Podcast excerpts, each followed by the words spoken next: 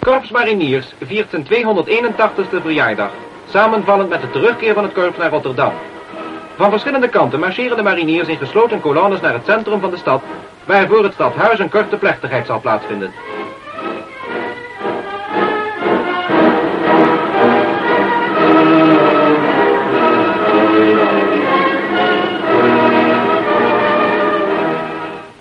De opperbevelhebber der zeestrijdkrachten, luitenant-admiraal Helfrich, hecht hier aan het vaandel het onderscheidingsteken van de militaire Willemsorde der vierde klasse, die Hare Majesteit de Koningin het korps voor verschillende wapenfeiten verleende.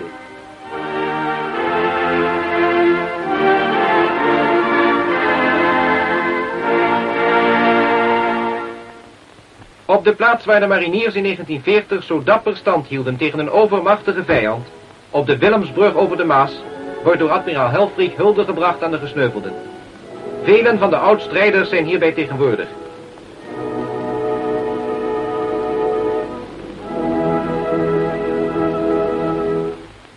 De herdenking wordt besloten met het gebruikelijk défilé.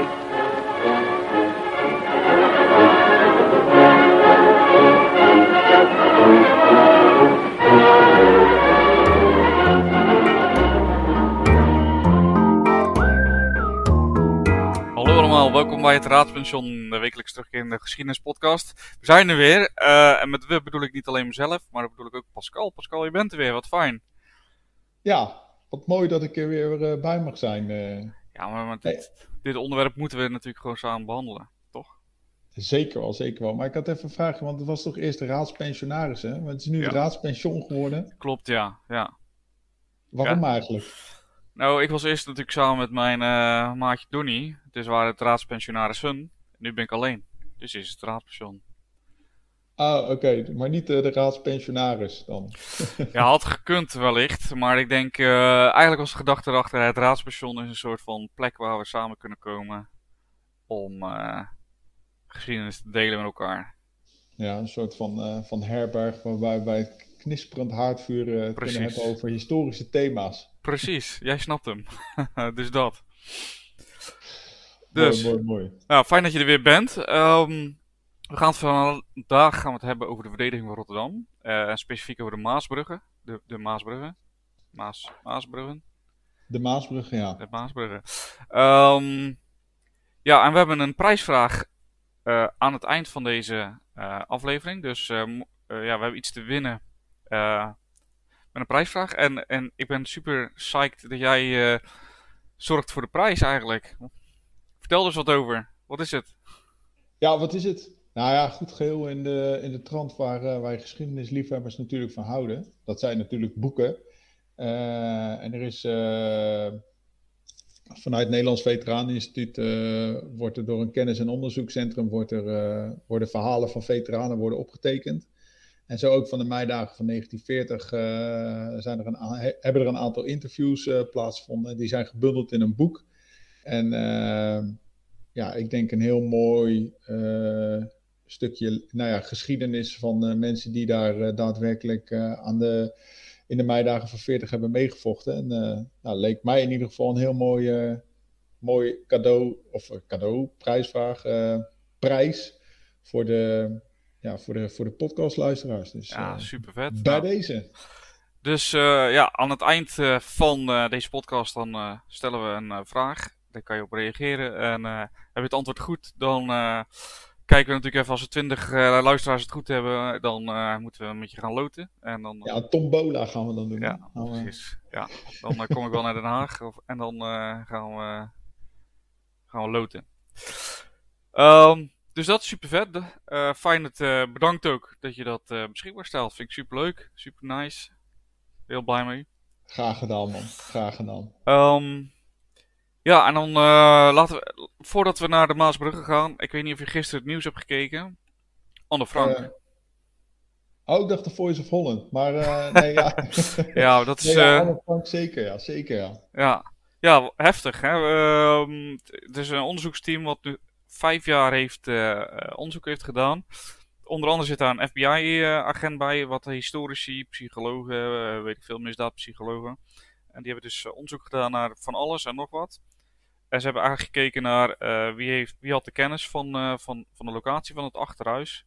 wie had het motief en wie had de mogelijkheid om, om het verraad te plegen. Want dan gaat het om het verraad van, van het achterhuis. En dus ja, indirect, CQ, ja, indirect verantwoordelijk voor de dood van, van de familie Frank, groot deel. En er waren een aantal verdachten, waaronder die nu al naar voren was gekomen. Die, die A van den Berg, Arnold van den Berg, die, die zat er al bij. Maar ook een Willem van Maren. Die, ook, die is ook aangeklaagd na de oorlog door de familie Frank. Um, Lena Hartog, dat was een vrouw van een magazijnmedewerker. En Ans van Dijk, dat was een Joodse vrouw die eigenlijk kon kiezen tussen deportatie of het verraden van uh.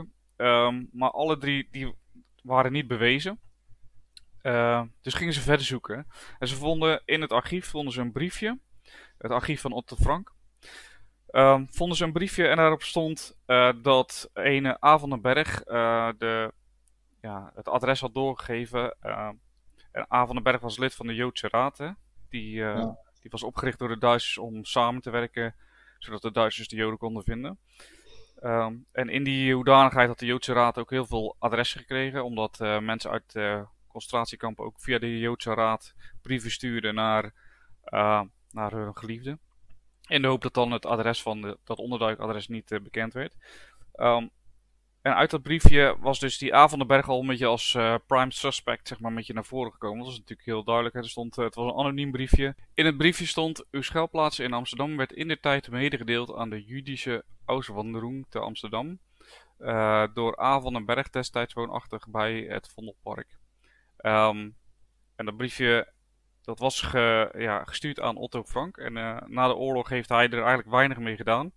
Uh, vanwege het antisemitisme wat er nog speelde in die tijd. En hij was bang dat op het moment dat hij zou bekendmaken of er zou bekend worden dat een uh, Joodse man dus die ja, eigenlijk Anne Frank natuurlijk het, het gezicht van de Duitse deportaties had verraden.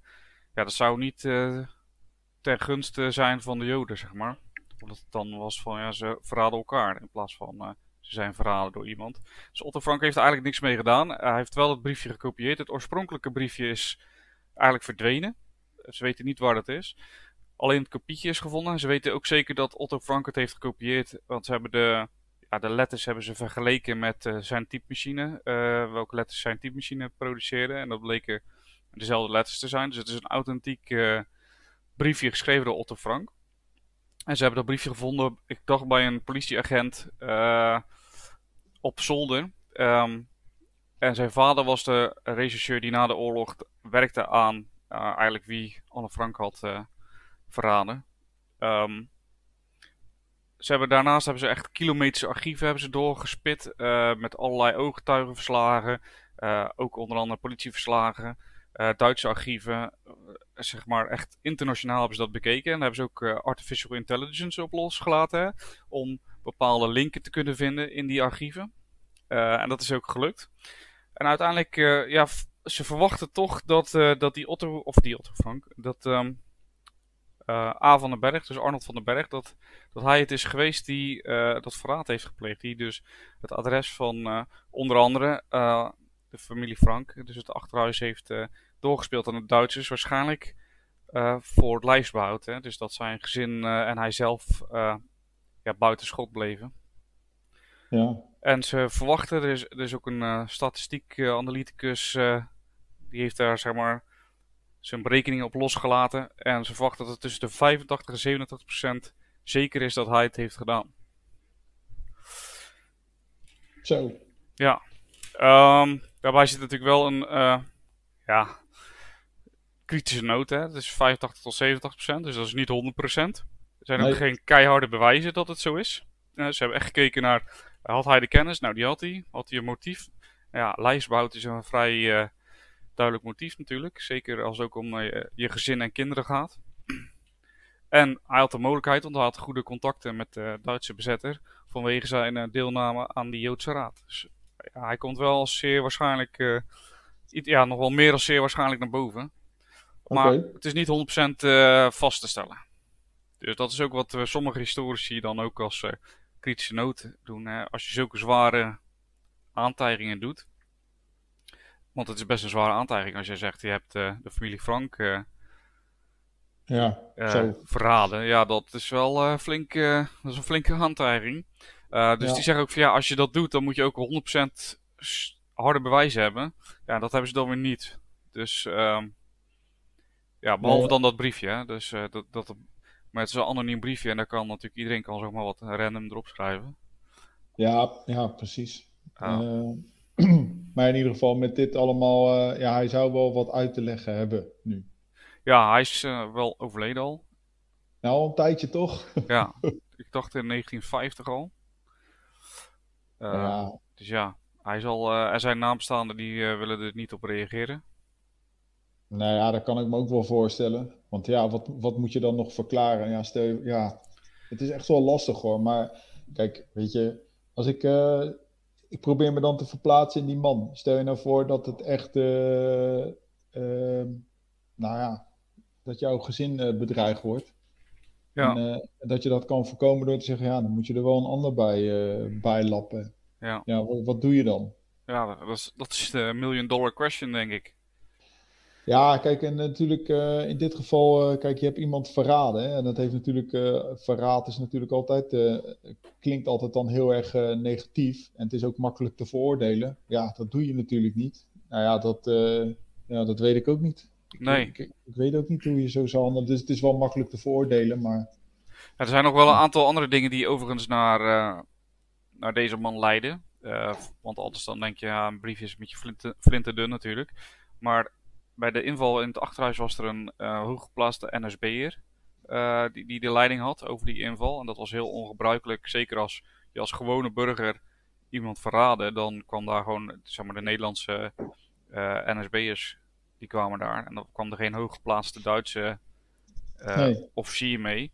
want die, die, die staan niet zomaar in het telefoonboek. Dus het moest iemand zijn ja, die, die wel ja, die kennis en contact had bij de Duitsers. Had ehm, connecties. Dus, en en die uh, Arnold van den Berg die had connecties met de Duitsers. Ook hooggeplaatste connecties. Dus daarom maakt het dan weer wel waarschijnlijker dat hij er iets mee te maken heeft. Hè? Dus het is niet uh, op een briefje gebaseerd. Er zijn wel meerdere uh, zaken die, die wijzen naar hem. en een daarvan is bijvoorbeeld dus die hooggeplaatste natie die mee naar binnen viel in het huis. Wat dus heel ongebruikelijk was eigenlijk. Ja, er wordt natuurlijk ook gezegd, hè, hij, uh, in 1943 moest hij zelf ook uh, min of meer dan in, onderduiken, die, die Arnold van den Berg. Dus de vraag is ook of hij, hij heeft meer adressen doorgegeven. De vraag is ook of hij echt wist van, misschien had hij gedacht dat er geen mensen meer zaten, weet je wel, dat het oude adressen waren. ja. ja. In dit geval vielen ze binnen bij, ja, wat nu dus de meest iconische, ja, zeg maar, het, meest, het beeld van de bezetting eigenlijk beeld van de jodenvervolging, moet ik zeggen. Ja, inderdaad. Dat, uh, voor de hele wereld kent Anne Frank. Uh, ja, en het lijkt me ook... Maar stel je voor hè, dat je het willen... Stel je voor dat je het gewoon gedaan hebt. Hè, je, je, je, je denkt van, nou oké, okay, ik, uh, ik moet dit huis of dat adres, ik moet dat verraden om, om zelf die oorlog te kunnen overleven. Maar lijkt me dan ook niet dat je als, je dan, als je weet dat je dat op je geweten hebt, dat je dan ook nog lekker rustig kan slapen. Nee, ja, het lijkt me echt zo verschrikkelijk voor die man ook. Dat kan toch niet anders? Ja, nee, ja, nee. Het lijkt me ook. Het lijkt me vreselijk. Uh, maar ja, je, je moet iets, denk ik, ja. Het is of jij of hun. Wellicht. Ja, inderdaad. En dan is het uh, met de mogelijkheden die je op dat moment tot je beschikking hebt. Ja, wat, wat, uh, wat doe je dan? Ja. Ja, dan kies je toch voor lijstbout. En wat jij ook net zegt, ja, dan is het kiezen voor lijstbout. is natuurlijk best wel een sterk, sterk motief. Ja. En, uh, ja, dat, dat zeiden, ze gisteren op tv ook, weet je, dan kun je wel zeggen, ja, hij heeft ze verraden. En ja, ja, uiteindelijk zijn het wel de naties geweest die, die deze mensen in deze positie heeft gebracht. Dus ik vind dat inderdaad het, het nazi-regime en de uitvoering daarvan, dat, dat dat toch wel uiteindelijk de verantwoordelijke mensen ja, zeker. zijn. Ja. Ja, die hebben het uiteindelijk inderdaad het klimaat gecreëerd waarin dit allemaal gebeurd is. Ja, dus... Nou ja, goed. Um, dus dat even over Anne Frank. Vond het wel belangrijk even over te hebben. Aangezien het ja, wereldnieuws is. Uh, Zeker. En waarschijnlijk uh, zeiden ze natuurlijk uh, bij dat onderzoek ook.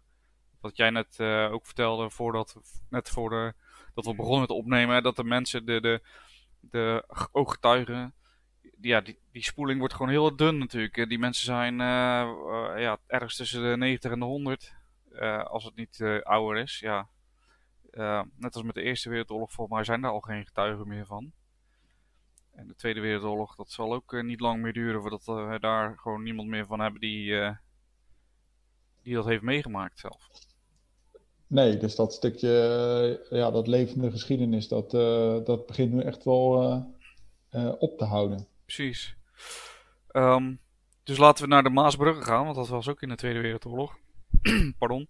Um, ja, de Maasbruggen in Rotterdam, daar is behoorlijk gevochten. En ik heb, ik, nou, ik heb uh, bronnen gevonden, dat is uh, niet normaal. Ik heb geprobeerd allemaal door te spitten.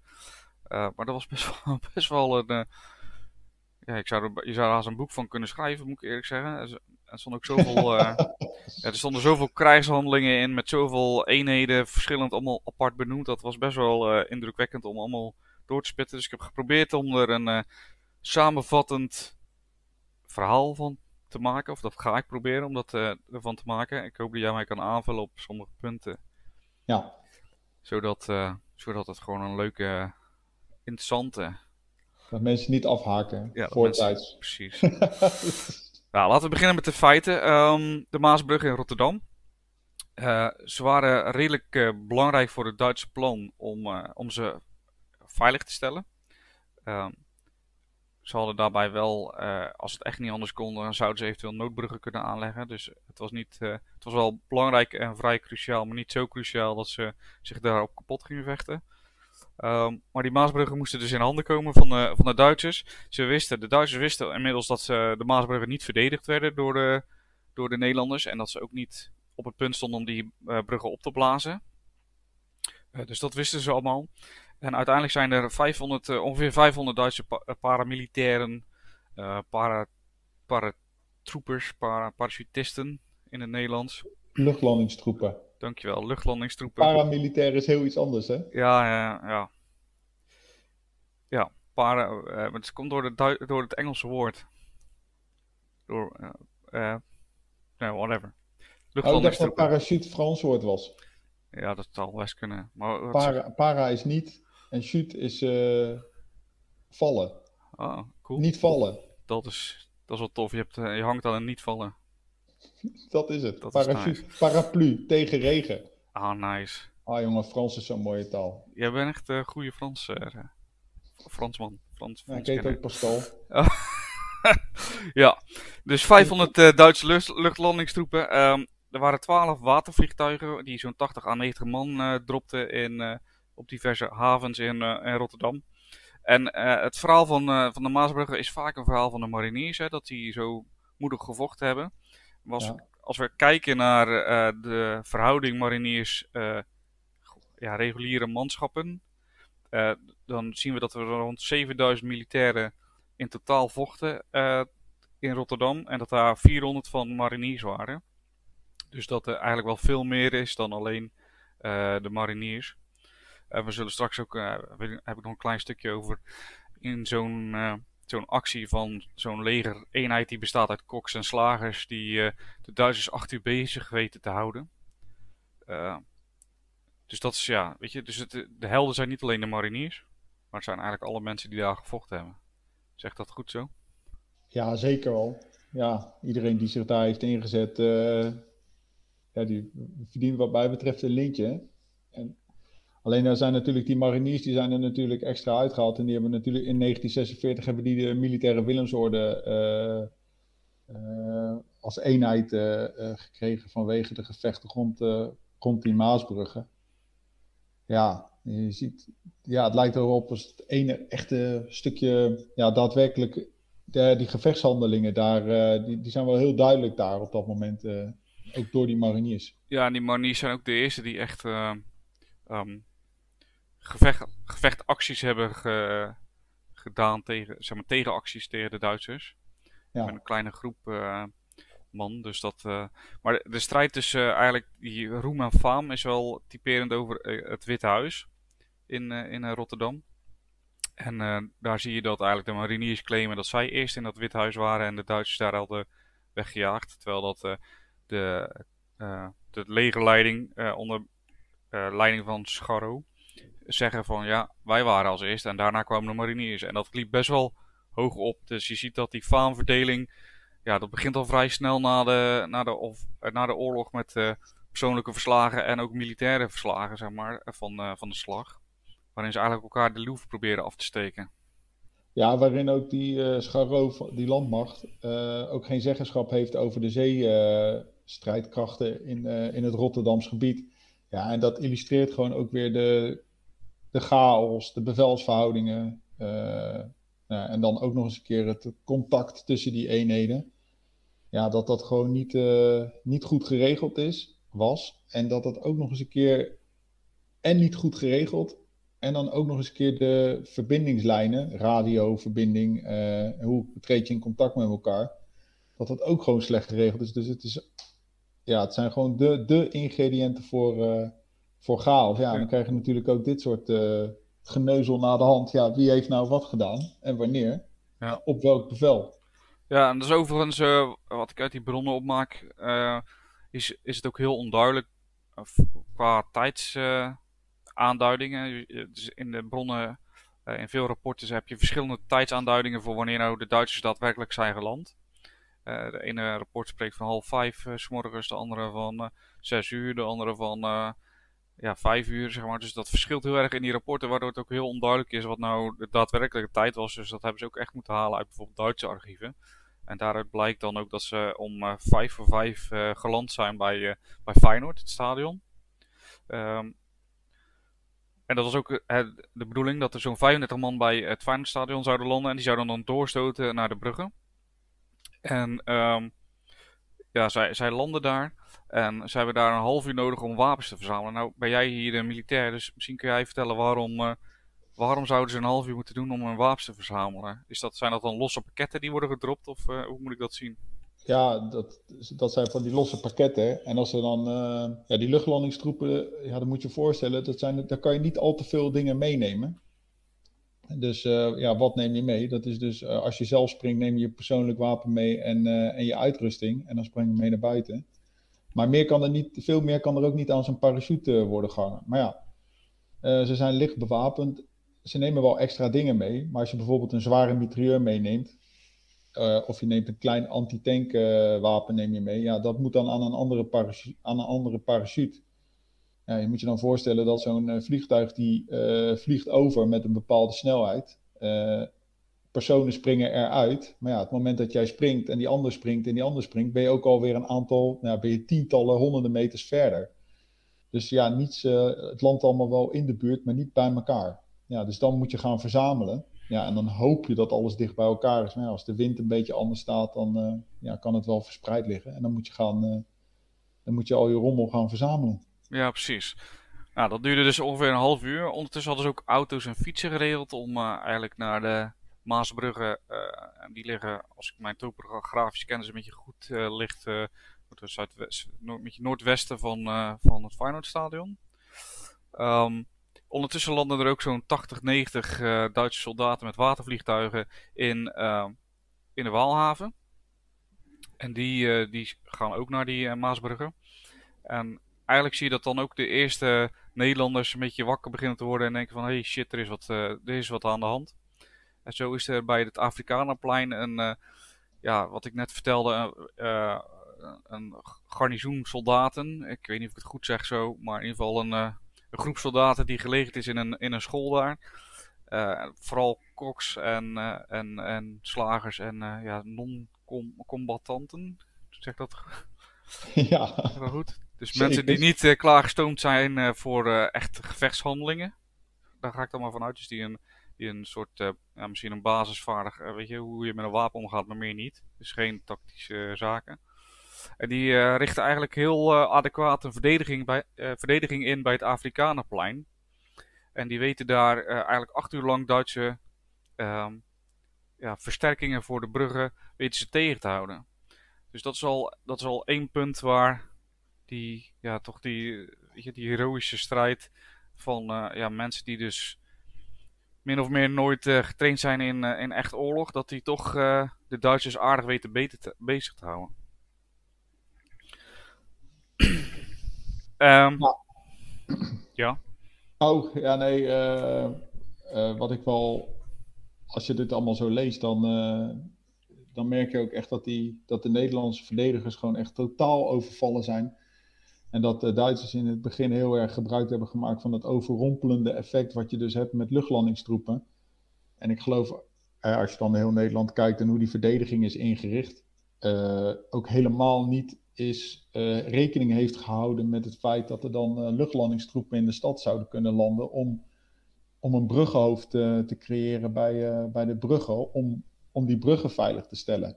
Ja, en dan zie je dus dat mensen die of niet zijn opgeleid of een totaal andere functie hebben binnen, een, eh, binnen zo'n krijgsmacht, eh, in één keer moeten gaan vechten. En dat die mensen in één keer eh, in de frontlinie zitten. Want als je dan leest wat voor mensen dat dan zijn, hè, ja, dan zeg je ja, het zijn slagers, het zijn, nou, dat zijn intendantstroepen. Hè, die, zijn er eigenlijk voor bedoeld om de militairen, die de soldaten die aan het front vechten, om die te kunnen ondersteunen. Hè.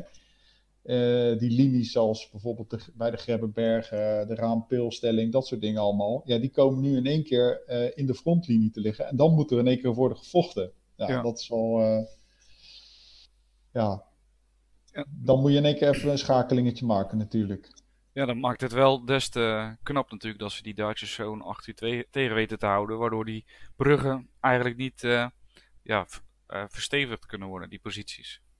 Ja, en wat ook wel een belangrijk aspect is, is dat op dat moment, dat is mijn eh, opvatting hoor, is dat ze nog niet echt het idee hebben dat, eh, het, het, zoals je dat nu noemt, het optreden in verstedelijk gebied, oftewel het vechten in steden was ook nog niet, eh, ja, dat gebeurde eigenlijk ook nog niet.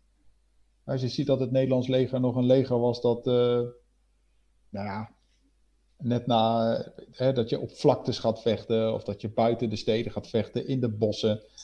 Ja, en in één keer landen dus die troepen midden in de stad. En dan is het ook wel interessant om te lezen dat eh, die militairen die daar dan worden opgeroepen om dan maar in één keer te gaan vechten, eh, gewoon tussen, ja, tussen burgers lopen. En dat het dagelijks leven in zo'n stad eh, gewoon nog doorgang probeert te vinden. Er worden nog ijsjes verkocht. Het is een hartstikke mooie Pinksterdag.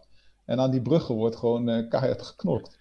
Ja, dat is ook wel iets wat ik eigenlijk opgeschreven heb hier vanuit wat ik gelezen heb in die ooggetuigenverslagen. Eh, van, het, eh, van het verslag van die eh, Maasbruggen. Is dat inderdaad de burgers echt ook gewoon naar die watervliegtuigen aan het kijken waren. Van hé, hey, wat de fuck gebeurt daar? En net alsof het een soort ja, schouwspel was. een soort theatervoorstelling van, van Duitse militairen die dan in één keer met die watervliegtuigen aankomen. En dat is je- ook...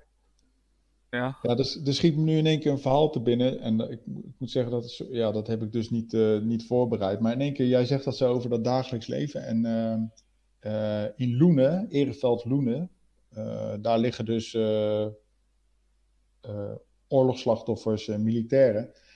Om even een beeld te geven van dat mensen gewoon zich niet konden voorstellen wat er dus eigenlijk gebeurde. Daar ligt dus ook een politieagent begraven.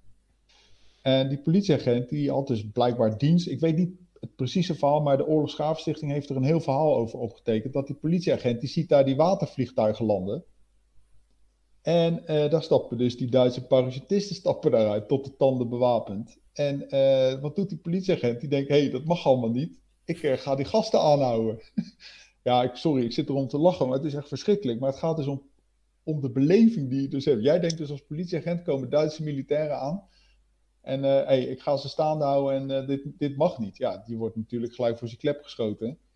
Ehm, ja, dan moet je even opzoeken dat verhaal. Maar die, eh, daar, daar is dus een, eh, eh, een verhaal van verteld over wat er dus met die, met die man is gebeurd. Maar om maar na te denken, ze waren er totaal niet op voorbereid. Ze hadden echt geen idee. Nee, dat klopt. Wat je, wat je zegt klopt ook, hè. En eh, ik heb dat ook gelezen, eh, dat er echt wel... Het zijn wel meerdere agenten doodgeschoten in, eh, die overijverig, zeg maar, een eh, dienstwapen trokken tegen, ja, zwaar bewapende Duitse militairen. Wat, dat klinkt natuurlijk... Ja, ik weet niet zo goed hoe... Ja, je hebt een wapen en je ziet Duitsers die je land binnenvallen. Is het dan... Ja, schijnbaar is het wel een, een, een militaire code. Dat, die heet Lex Belly. Waarbij dus eigenlijk gezegd wordt dat... ja, mensen die niet eh, militair zijn eigenlijk geen deel mogen nemen aan oorlogshandelingen. Eh, wat dus een politieagent eigenlijk is. Hè. Die is Ja, geen, dat is eh, een politieagent is een non-combatant. ja. Dus die, die mag eigenlijk geen verzet bieden tegen, zo, zo wordt het omschreven in, uh, in, in, die verhalen die ik heb gelezen. En ja, dan zie je dat uh, inderdaad agenten um, ja, beginnen te schieten. of dat ze proberen die Duitse militair te overrompelen. Eén verhaal is dat er een politieagent die komt een, een, een, groepje Duitse militairen tegen die nog bezig zijn hun wapens te verzamelen. Dus in principe zijn ze ongewapend nog. Hè. Ze zijn bezig hun wapens te verzamelen en die houdt ze onder schot en, om ze aan te houden. Eigenlijk wat jij zegt, eh, zeg maar. Uh, en daarbij komt dan een, eh, een tweede agent die komt aan om te assisteren. Ja, en dan worden ze vanuit een andere positie door andere Duitse militairen worden ze onder schot genomen. Ja. Um, dus dat zijn dat soort verhalen. Ja, die zijn best wel veel in die eerste momenten, zeg maar. Uh, ja, van die oorlog. En dat is ook met die burgers. En het is, uh, ja, de, Duitsers worden in dit geval geprezen. Het is de vijand op dat moment. Maar ze worden wel gepre geprezen om hun terughoudendheid. Om op bijvoorbeeld burgers te schieten. Die staan te kijken omdat ze wel de ervaring hebben vanuit Polen bijvoorbeeld. Dat daar burgers wel ook de Duitse militairen begonnen te ja. En in dit, in dit geval zien ze dus die burgers staan. En ja, op een of andere manier uh, de training, denk ik. Of uh, ik, ik, weet niet waar het aan ligt, maar die Duitsers nou, schieten in ieder geval niet op die burgers. Nou ja, dat heeft denk ik ook wel. dus even de aanname hoor. Maar kijk, Polen was natuurlijk in het oosten. En dat was een Slavisch volk. En wij zijn natuurlijk ook van het Germaanse ras. En volgens mij is er ook wel. Volgens mij was er ook wel de beeldvorming van nou, Nederlanders. Die moeten, we, moeten we wel een beetje te vriend houden. Ja. Uh, want het, dat, is, dat is dezelfde soort als, als wij.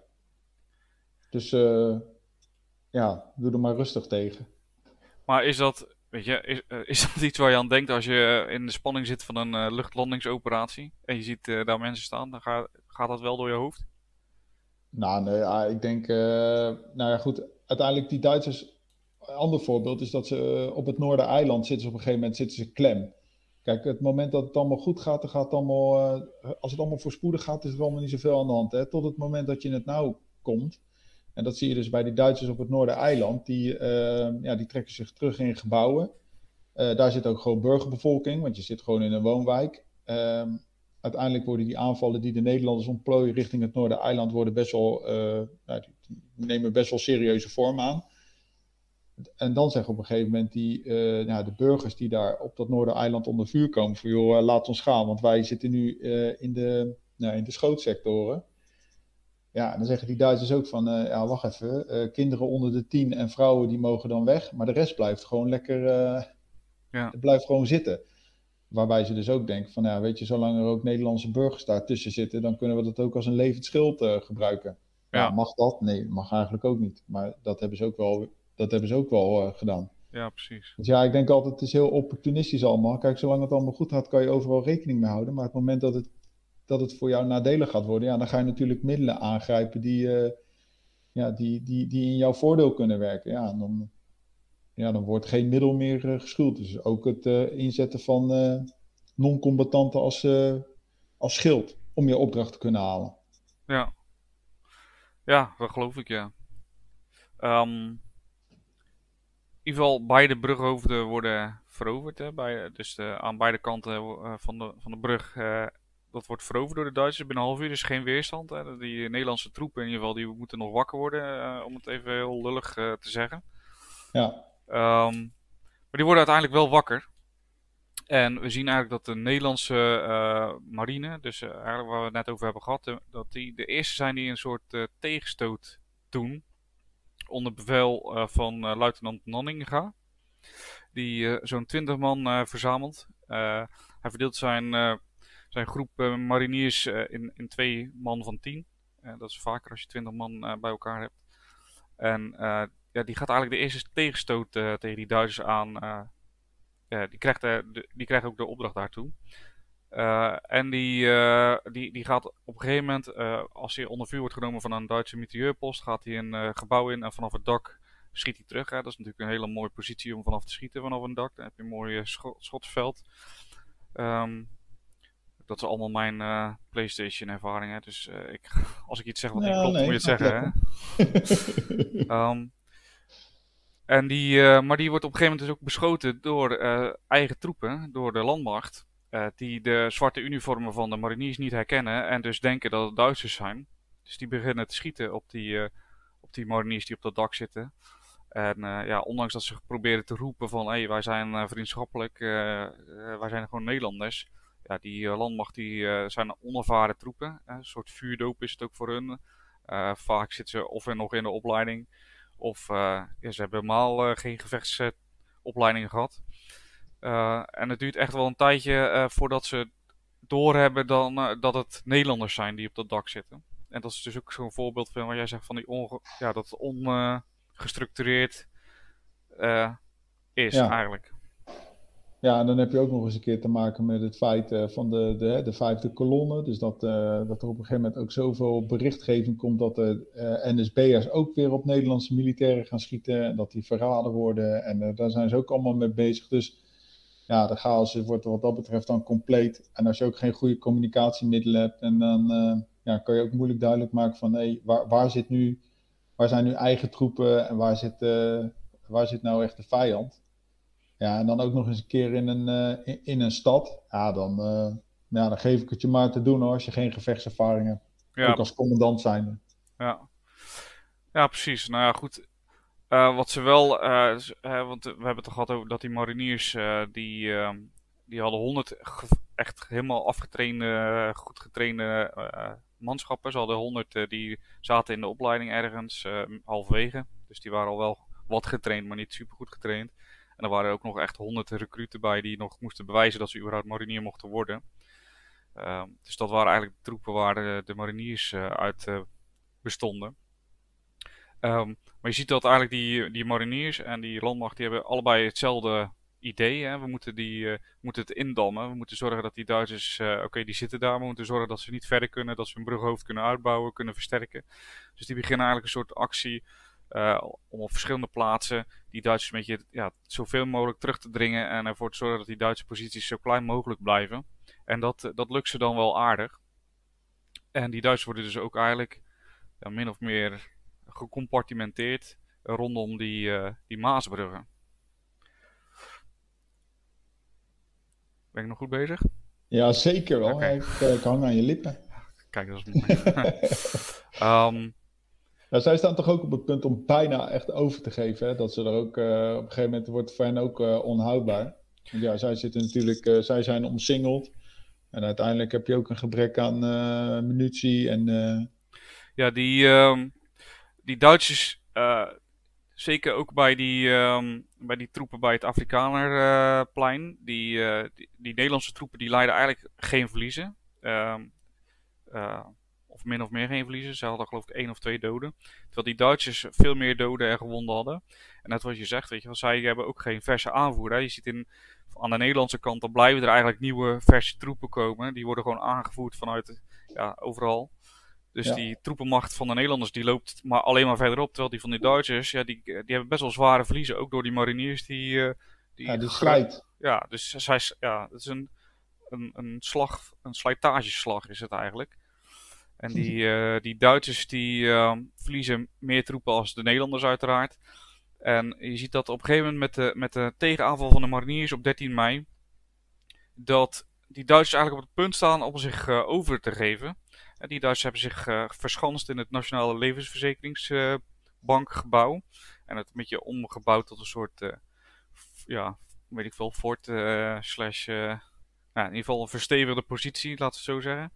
Ja. En ehm, ja, die staan inderdaad op het punt om zich over te geven. Uh, het is dat, uh, zeg maar, en dat is ook weer een voorbeeld van de slechte communicatie. Hè, dat de mariniers die gaan een tegenaanval doen en ze zouden samen met een andere compagnie zouden die, die zouden ondersteund worden. Maar die twee groepen vertrekken op een ander tijdstip in plaats van tegelijk. Waardoor dus die tegenaanval minder effectief is. Uh, en die mariniers zich toch genoodzaakt voelen om zich weer terug te trekken vanwege de verliezen. Ja. Maar dat is inderdaad het punt waarop eigenlijk later blijkt, hè, dat is natuurlijk op dat moment is dat helemaal niet duidelijk, maar later blijkt dat die Duitsers eigenlijk op het punt stonden om zichzelf over te geven. Um, ja, dus als je dat toch beter gecoördineerd had. Maar ja, daar gaat dus ook over ja, ik, ik, weet het natuurlijk niet helemaal uh, precies, maar weet je, wat is dan, uh, wat is dan goed opgeleid? Hè? Ook, hoe zijn die mensen opgeleid? Kijk, ik weet wel uit eigen ervaring, hey, een, een, zeg maar een tegenaanval inzetten met zulke middelen in uh, verstedelijk gebied. Nou, dat, dat moet je wel even oefenen.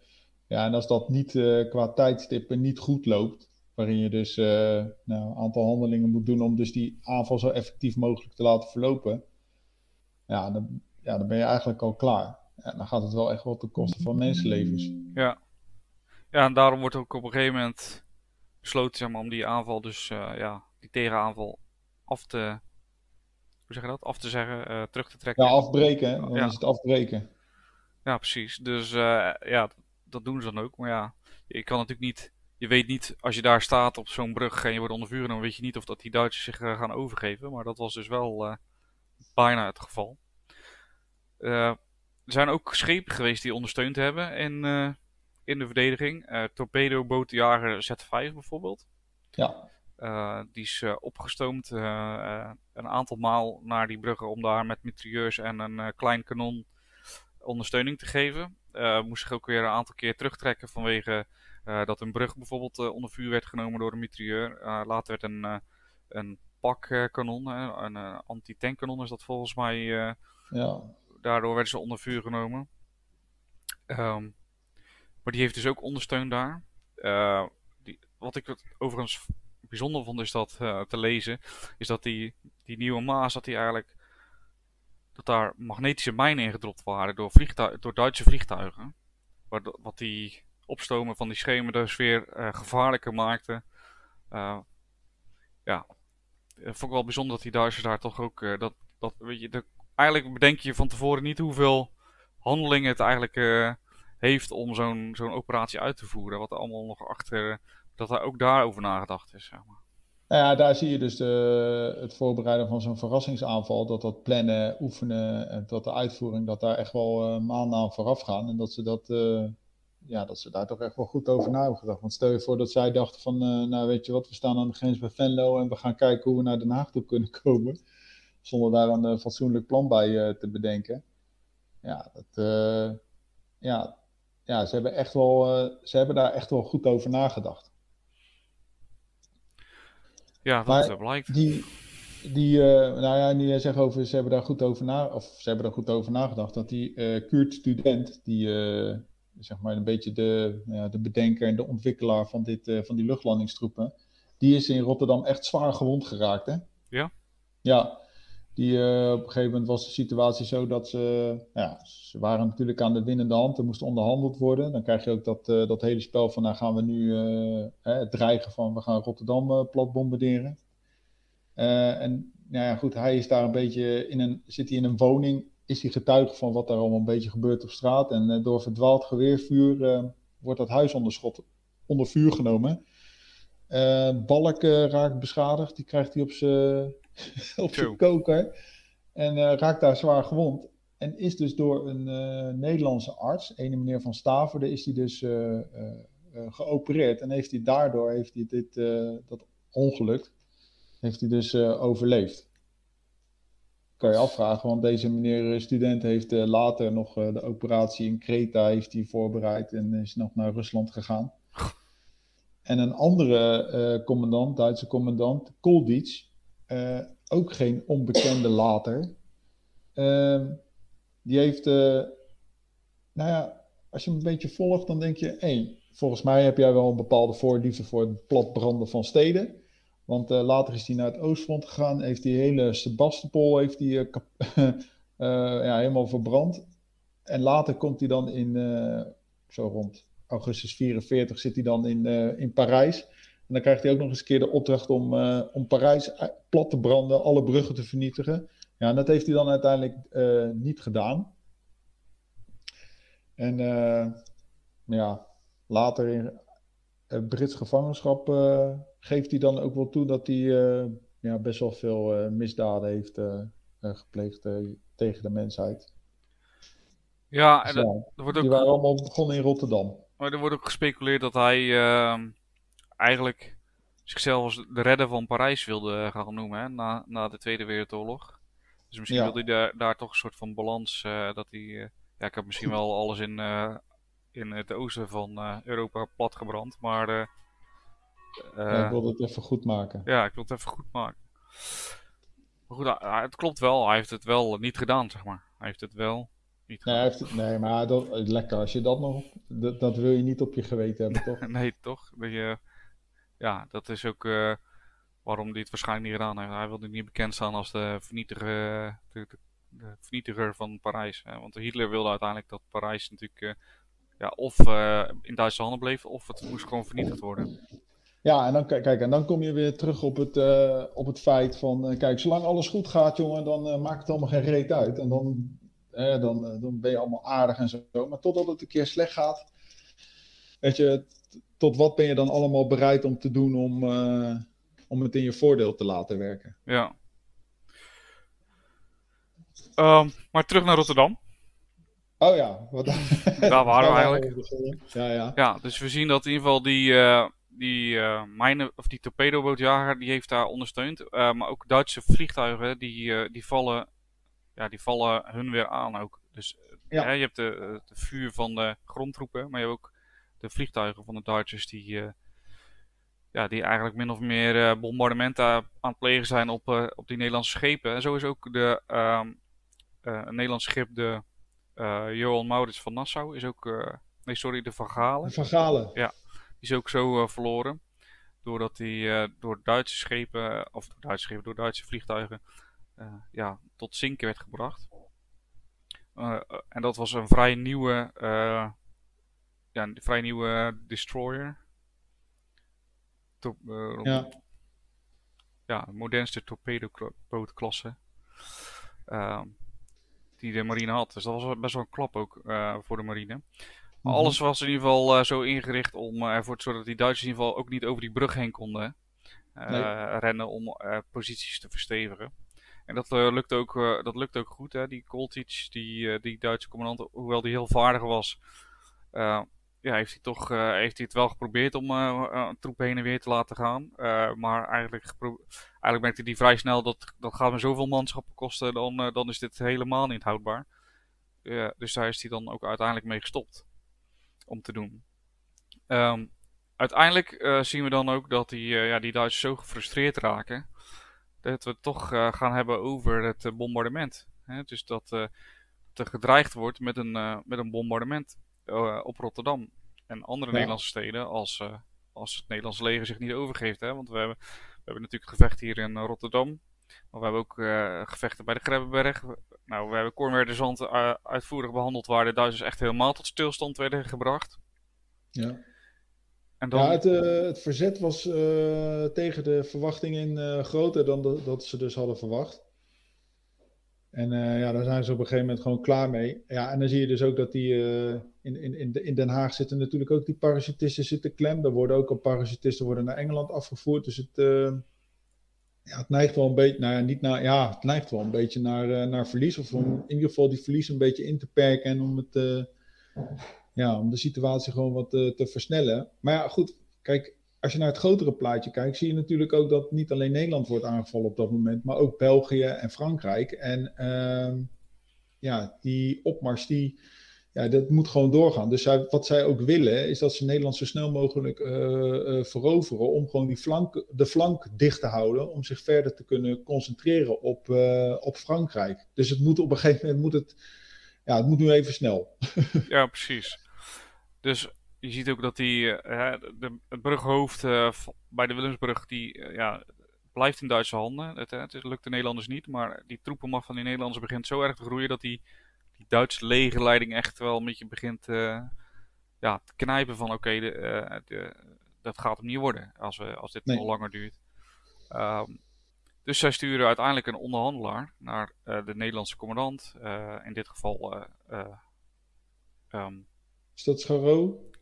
Uh, Scharro. Ja, Scharro is de Nederlandse kolonel. Uh, volgens mij is uh, generaal Winkelman natuurlijk de uiteindelijke Nederlandse generaal. Oh, ja, ja. de opperbevelhebber. ja, de opperbevelhebber. Uh, en die zeggen van ja, luister. in bevel, op bevel van Geuring en Kesselring. Van ja, weet je, als, als ze zich niet overgeven, dan gaan we gewoon die steden bombarderen. Dus een Duitse soldaat die wordt naar naar dat uh, Nederlandse opperbevel gestuurd met een briefje van hey, je moet je overgeven, anders gebeurt dit en dit. Ja. En die Nederlanders zeggen, ja, ik wil me best overgeven, maar ik ga me niet overgeven aan een anonieme soldaat met een uh, anoniem briefje, weet je wel. Dat moet wel even iets, uh, ja, dat moet iets uh, concreets, weet je wel. Ik ben geen pannenkoek hier. ik sta hier om mijn land te verdedigen en jij komt met een anoniem briefje aanzetten. Ja. Dus die Duitse soldaat gaat weer terug, maar ondertussen zijn die vliegtuigen al opgestegen van, de, van de Luftwaffe om Rotterdam te bombarderen. Uh, en dan krijg je het verhaal van de, van de rode flares. Hè. Op het moment dat uh, ze afgeschoten werden, dan zou uh, de overgave getekend zijn, konden de vliegtuigen eigenlijk terugtrekken zonder te bombarderen. Ja. Worden ze niet afgeschoten, ja, dan zal je toch die bommen erop moeten gooien. En ergens is daar iets fout gegaan, hè, want, want een hoop vliegtuigen die, kon, die, ja, die zagen de flares en die trokken zich terug. Behalve de, zeg maar het squadron wat het centrum van Rotterdam moest bombarderen. Op een of andere manier uh, lukte. Uh, zagen zij die flare niet? Of ik weet niet of jij precies weet wat de oorzaak daarvan is. Nou, wat ik heb gelezen is dat er inderdaad ook op sommige momenten, waar de Duitsers ook problemen mee hadden, dat er gewoon radioverbinding het niet altijd werkte. Er gaan altijd uit dat het allemaal feilloos werkt en dat mensen geïnformeerd kunnen worden. Maar op dat moment, en dat komt wel vaker dus voor, ja, we, we zoeken contact met dat, inderdaad dat squadron. En uh, ja, dat lukt gewoon niet. Ja, en uiteindelijk uh, ja, dan kun je heel erg hard roepen. Maar dan, uh, ja, als zij die opdracht dan hebben om dat uit te voeren, ja, dan, gaan ze dat dus gewoon doen. Kijk, als jij die opdracht hebt gekregen dus, en zonder tegenbericht die, die bommen moet droppen, ja, dan ga je die bommen droppen. Dus ja, dan is er geen, geen houden meer aan. Nee, en zo werd het centrum van Rotterdam dus weggevaagd eigenlijk. Uh, waardoor, uh, ja, waardoor we een, eh, een, centrum van de stad kwijt zijn geraakt. En eigenlijk is het dus niet, het, het, het beeld is natuurlijk vaak dat door het bombardement we ons hebben overgegeven. Uh, maar eigenlijk ja. was dat idee al wel eerder, die overgave was al eerder besloten omdat ook de Nederlanders wel merkten dat ook de Fransen die konden ook niet de, de verwachte ondersteuning bieden vanuit het zuiden. Dus het was ook wel, uh, ja, het was ook wel duidelijk dat het een verloren zaak was. Ja, en dan is het klaar. En als er dan ook nog andere steden worden uh, bedreigd door uh, te bombarderen. Ja. ja, wat moet je dan? Ja. Um, dus ja, dus er is, er is veel gebeurd. Veel, uh, veel gevechtshandelingen in Rotterdam. Dus heftig gevochten. Uh, waarbij eigenlijk de Nederlanders wel min of meer uh, ja, die Duitsers uh, in ieder geval ingeperkt hadden. Ze hadden ze gecompartimenteerd. Ze hadden ze eigenlijk waar ze ze wilden hebben. Als de oorlog langer had geduurd, hadden ze misschien zelfs ja, hadden die Duitsers zich moeten overgeven. ja, dat denk ik wel, ja. dus in, in dat opzicht, ja, hebben zij uh, ja, gevechten eigenlijk. Best wel knap gedaan van een leger wat natuurlijk uh, qua uh, uitrusting vrij ver achterliep op de Duitsers. Misschien ook qua training wel. Gevechtservaring. Nou ja, dat, daar zie je dus de drie componenten van het militair optreden. dat is dus de mentale component, de fysieke component en de conceptuele component. Ja, en daar zie je gewoon dat ze zeker met twee, twee van die componenten, de, de, uh, de, de, de, ja, de fysieke component en de conceptuele component, uh, ja, niet goed toegerust waren. Want ja, dat zie je aan alle kanten. Het idee over wat de Nederlanders hadden over hoe je dan oorlog uh, moet voeren of hoe je, dan een, hoe je dan een gebied moet verdedigen. Ja, dan zie je dat je daar niet goed op bent uitgerust. Je bent ook nog niet goed opgeleid, want uh, als je die verhalen ook leest dat mensen vanaf januari uh, in dienst gaan. Ja, en wat krijg je dan? Ja, je krijgt exercitie, je slaapt in hangmatten, omdat je als marinier blijkbaar op een schip in een hangmat moet, uh, moet liggen. ja, weinig schietoefeningen. Ja, en dan ook dat conceptuele. Ja, wat, wat moet je nu eigenlijk als militair doen? Hè? Wat, waar word je nu voor opgeleid? wat is jouw taak? Wat is je doelstelling? Wat is jouw ja, waar word je dus voor opgeleid? En als je dus moet worden opgeleid om de stad Rotterdam te verdedigen, ja, dan doe je dat natuurlijk op een andere manier als dat er van jou wordt verwacht uh, dat je op een schip meegaat en dat je zo'n schip moet verdedigen of wat ook. En ik, ik, ik, ik, noem maar even wat. Maar ik geloof niet dat er daar op dat moment bij de hogere legerleiding het idee was van, nou jongens, we gaan, uh, we gaan straks gevechten leveren in verstedelijk gebied. En dat is Rotterdam. En we gaan het dusdanig inrichten dat we de stad Rotterdam kunnen verdedigen. Ja, ik geloof dat dat idee er niet echt helemaal was. En dat is ook deels te wijten aan het feit dat je nog denkt dat je uh, op politiek niveau denkt nog wel uh, als neutraal land eruit te kunnen komen. Maar, maar, ook het idee dat je, ja, als er oorlog plaats gaat vinden, dan gaan we loopgraven maken en dan gaan we verdedigen. En dan maken we allemaal stoplijnen en die stoplijnen moeten verdedigd worden. Maar dat verhaal over het optreden in de diepte, zoals die Duitsers dat hadden met de Blitzkrieg, door ja, in het achterlegen gebied uh, operaties te ontplooien om die opmars te kunnen voorspoedigen. Nou, ik geloof dat dat. Uh, ik denk het moment dat je inderdaad die parachutisten naar beneden zag komen of die watervliegtuigen zag landen, dat toen in één keer het idee was van kak. We moeten het even heel anders gaan doen. Ja. Nou ja, en als je dan ziet dat je dan uh, je moet aan gaan passen. En dat uh, normaal gesproken sta je worsten te draaien voor, uh, voor de eenheden bij de Grebbeberg. Ja, dat je dan nu je wapen moet pakken. Ja, dan kan ik alleen maar zeggen. Uh, respect voor de mensen die daar op dat moment die klik konden maken. Door te zeggen van oké, hier moeten we nu wat aan doen. En met, met de middelen die we hebben en met de middelen die we totaal niet hebben, gaan we er toch, gaan we toch iets doen. Dus wat dat betreft respect voor de mensen die daar de verdediging hebben, zo goed als kwaad als kan hebben moeten inrichten. Ja, zeker. Er zijn natuurlijk ook wel een aantal uh, beeldvormingszaken uh, die niet helemaal kloppen. Hè? Met betrekking tot de, tot de gevechten in Rotterdam. Zo zouden mariniers met een uh, mes tussen de tanden de ja. Maas overgezwommen zijn. ja, dat, dat is natuurlijk, dat klopt niet. ook werd er, wordt maar... Ja. Die mar mariniers zijn over het algemeen best wel goed in het creëren van beeldvorming. Ja? Ja, ja, altijd. Ja joh, altijd. Het was in uh, Afghanistan precies hetzelfde. Uh, die, die, ja, de, die mariniers, ja, ik moet het ze toch nageven. Ze, ze doen heel veel aan, uh, aan beeldvorming, ook en echt in positieve zin. Bijvoorbeeld ook in Tar en Coat zat dan op een gegeven moment een marinierskompie. Ja, die doen dan aan public relations. Dan gaan ze met de, door de, met de fiets uh, door Tar en Coat rijden. Ja, dat is toch briljant? Weet je wel, dan, uh, ja, je laat heel veel zien. Ja, daar had de landmacht niet over nagedacht. Nee, nee, nee. nee. En, en, ik, ben, ik ben geen marinier, maar ja, je ziet toch dat ze dat wel. Uh, dat is toch mooi dat ze daar een beetje die mythevorming. Maar goed, het is, de, het is inderdaad te het echt zo dat ze met een mes tussen de tanden de, de maas zijn overgestoken. En dat ze daar eigenhandig de strot van die, uh, van die ja. Duitsers hebben afgestegen. Ja, misschien is het toch uh, voor jou een taak dan om de overige krijgsmacht wat PR te leren. Ja, zeker wel. Ja, absoluut. Absoluut. Ja, dus ze kunnen daar echt wel een voorbeeld aan nemen. Want op zich, de mariniers op dit moment, ja, het is een relatief kleine, kleine eenheid uh, binnen, binnen de kruismacht. Maar uh, ja, ze zijn goed opgeleid. Ze hebben specialistische, veel specialisten. Ja, het is best een, uh, het is best een, een, een, een elite eenheid binnen de, binnen waar we trots op, op mogen zijn. Ja, dat is ook wel een van de, uh, dacht een van de oudste uh, onderdelen. Uh, opgericht door Michiel de Ruiter. Ja. Ja, ja ik, we gaan geen special over de mariniers doen hoor. Oké, oké, oké. Nou, de laatste beeldvorming uh, wat we nog even moeten misschien ontkrachten is dat, uh, dat de mariniers uh, zogenaamd door de Duitsers die Schwarzen Teufel genoemd werden, de Zwarte Duivels. maar daarvoor is geen bewijs.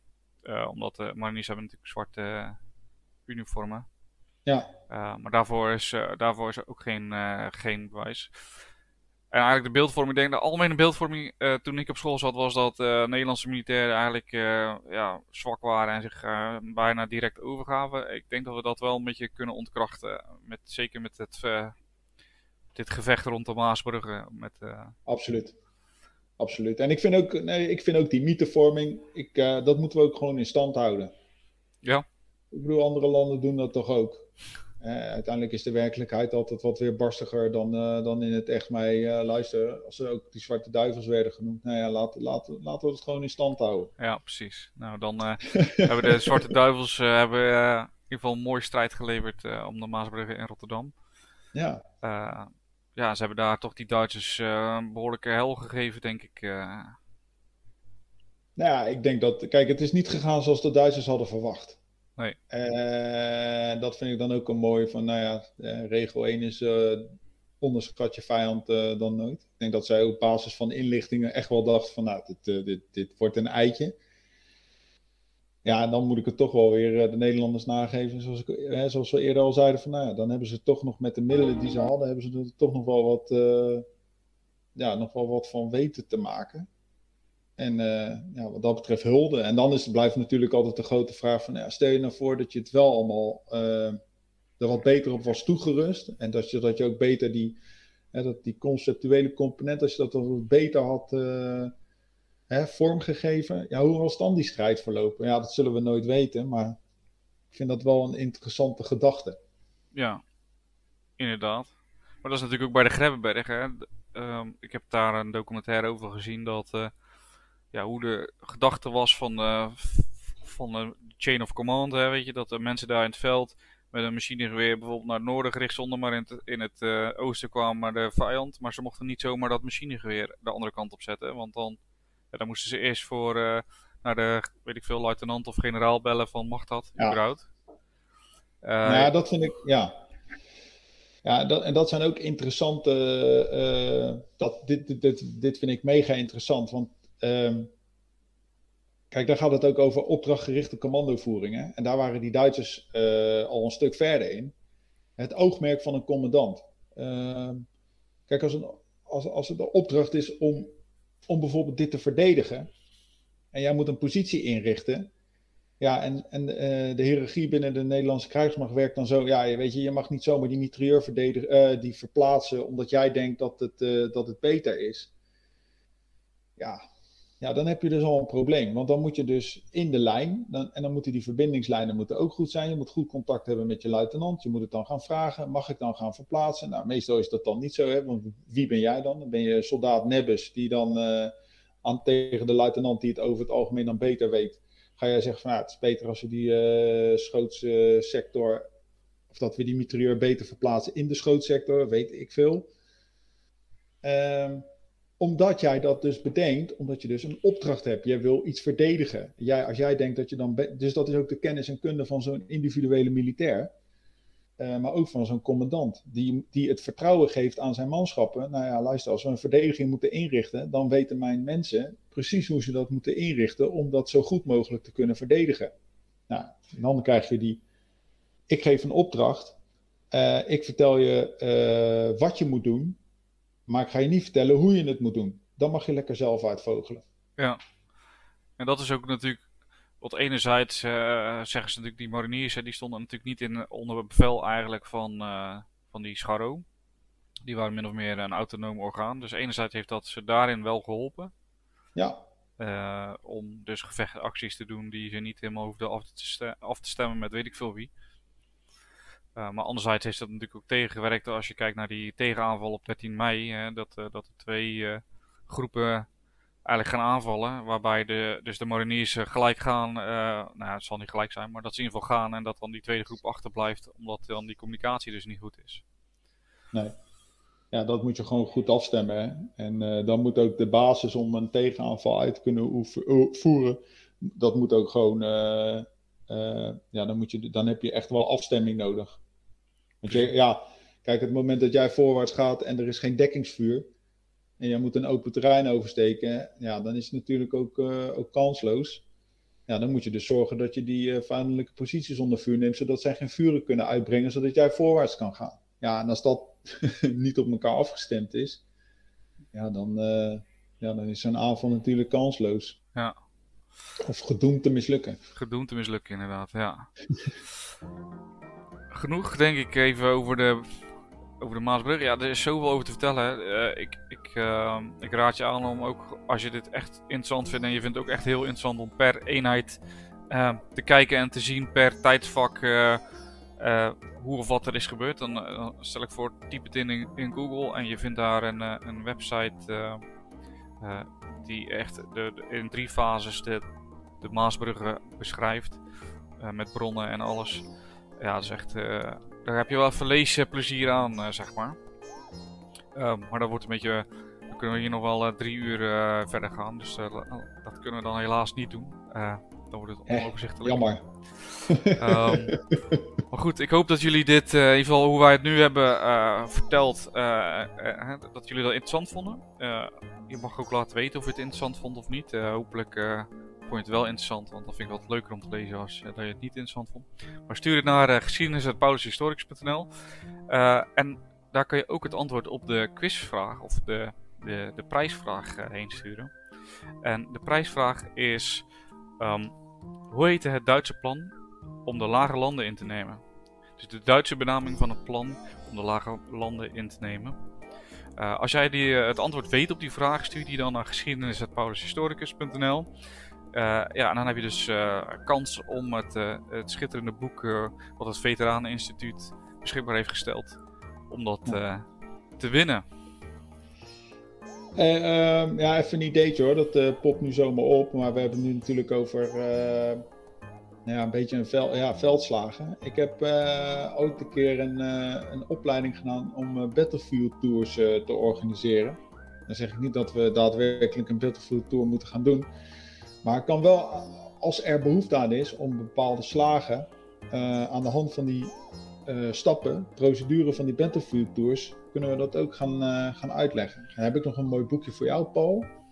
Krijg jij van mij zo'n boekje om dat vorm te geven? Kijk, dat... Ik ben al even uitdelen qua boeken. Kijk, ja inderdaad. Nou, we hebben in ieder geval genoeg om over na te denken. Om, om, om, of stof om te behandelen, laat ik het zo zeggen.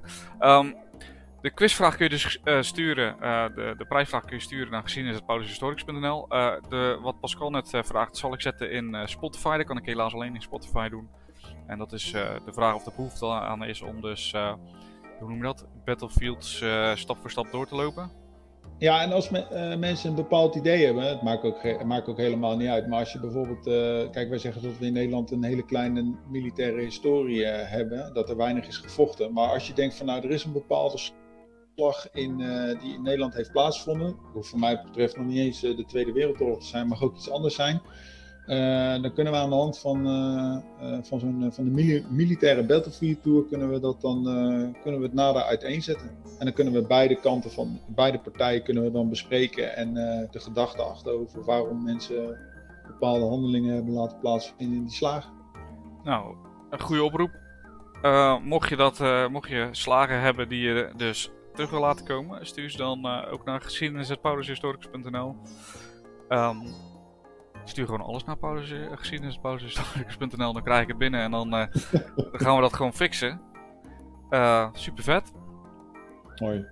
Ik wil je weer bedanken, Pascal, voor deze podcast. Ja, ik jou ook, man. tof. Ja. We gaan zeker verder. nou, dat is mooi. Precies.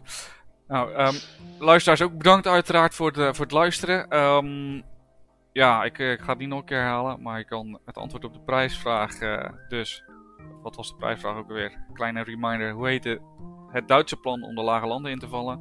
Kan je sturen naar geschiedenis.paulushistoricus.nl. Kan je een super mooi boek winnen met getuigenverslagen uh, van de gevechten in de meidagen van het Veteraneninstituut. En dan hoop ik dat jullie volgende week weer luisteren naar de nieuwe aflevering van uh, het Raadspension. Tot volgende week. Ja, tot volgende week. Hoi. Hoi.